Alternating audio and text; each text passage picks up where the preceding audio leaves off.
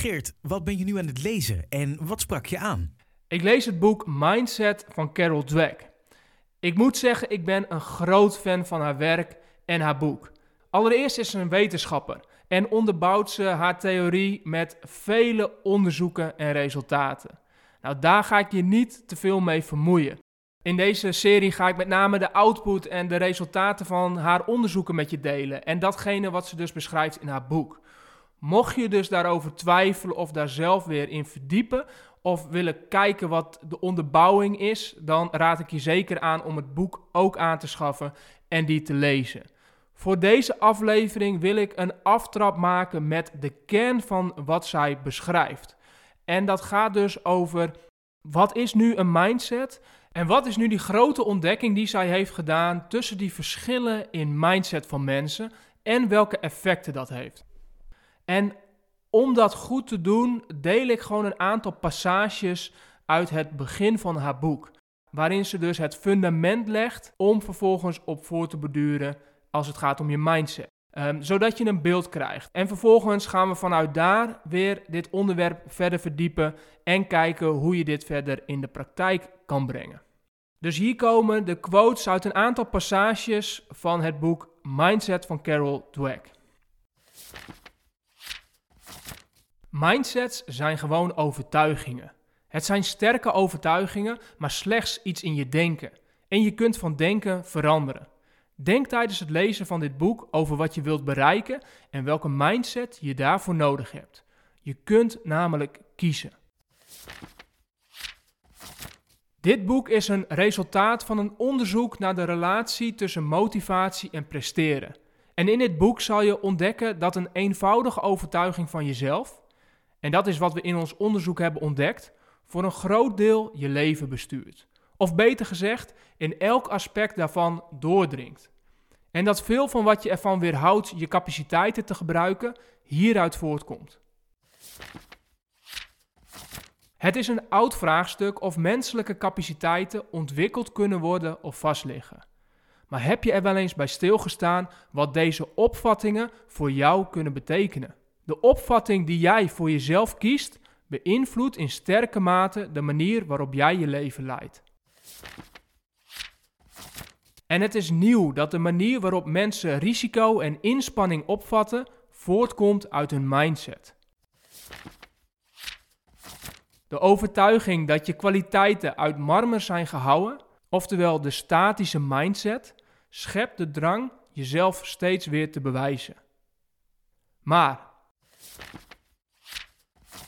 de overtuiging dat goede kwaliteiten ontwikkeld kunnen worden, brengt liefde voor leren teweeg. Op een dag probeerde ik te begrijpen waarom sommige studenten zo bezig waren met te bewijzen dat ze slim waren, terwijl anderen zich daar niet druk om maakten en gewoon studeerden.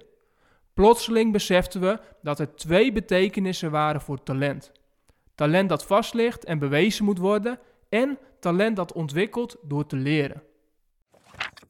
Dus wat duidelijk is, is dat je zelf kunt kiezen voor jouw mindset, oftewel waar jij in gelooft. Als het gaat om de ontwikkelbaarheid van jouw intelligentie, jouw talenten, jouw persoonlijke kwaliteiten en zelfs jouw persoonlijke eigenschappen.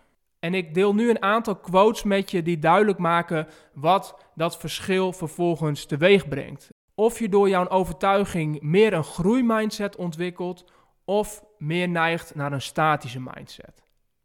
Hierover schrijft Carol Dweck het volgende. Als je een andere mindset aanneemt, kom je in een andere wereld. In de ene wereld, de wereld van vaste karaktereigenschappen, betekent succes bewijzen dat je slim of getalenteerd bent. In de andere wereld, de wereld van de veranderende kwaliteiten, gaat het erom dat je je inspant om iets nieuws te leren dat je jezelf ontplooit. En dit heeft effect op jouw omgang met falen en de mate waarin jij jezelf inspant. Als je mocht kiezen, wat zou het dan worden? Veel succes en bevestiging of juist veel uitdaging? Het is niet alleen op intellectueel gebied dat mensen deze keuze moeten maken. Mensen moeten ook beslissen wat voor soort relaties ze willen. Relaties die hun ego strelen of die hen uitdagen zich te ontwikkelen. En tot slot. Mensen met een groeimindset streven niet alleen naar uitdaging, ze gedijen er ook bij. Hoe groter de uitdaging, hoe meer ze zich inspannen. Maar in de statische mindset is het niet genoeg om alleen maar succes te ogen. Het is niet genoeg om slechts een intelligente en getalenteerde indruk te maken. Je moet behoorlijk perfect zijn en je moet onmiddellijk perfect zijn. Kortom, jouw mindset gaat over waar jij in gelooft. En in het specifiek gaat het hier over: geloof jij in dat iets te ontwikkelen is, of geloof je erin dat iets vaststaat? En richt het zich met name op jouw intelligentie, jouw talent, jouw kwaliteiten. En als je daarin elke keer jezelf de vraag stelt waar jij van overtuigd bent, diep van binnen, ontdek je naar welke mindset jij het meeste neigt. Ga je ervan uit dat jouw talent en jouw intelligentie en dat wat je kan, dat dat vaststaat, dan neig je meer naar een statische mindset. Maar geloof je er dus in dat het te ontwikkelen is, dat jouw intelligentie door je in te spannen, door veel te leren en je te ontwikkelen, dat dat ook te groeien is. Dat datgene wat je kunt um, kan groeien, dat dat potentie heeft, dan neig je meer naar een groeimindset. En nogmaals, het klinkt een klein verschil, maar het heeft een enorm groot effect. En als je dit verschil steeds meer gaat zien bij jezelf en bij anderen, dan gaat er een nieuwe wereld voor je open. En in deze wereld wil ik je verder mee blijven nemen in deze serie over het boek Mindset van Carol Dweck. In de volgende afleveringen gaan we verder inzoomen op waarom je hiermee aan de slag zou gaan. En natuurlijk ook dat, mocht je die behoefte steeds meer voelen, kijken we naar de vraag: hoe ontwikkel jij je groeimindset? Voor nu bedankt voor het luisteren. Tot de volgende keer.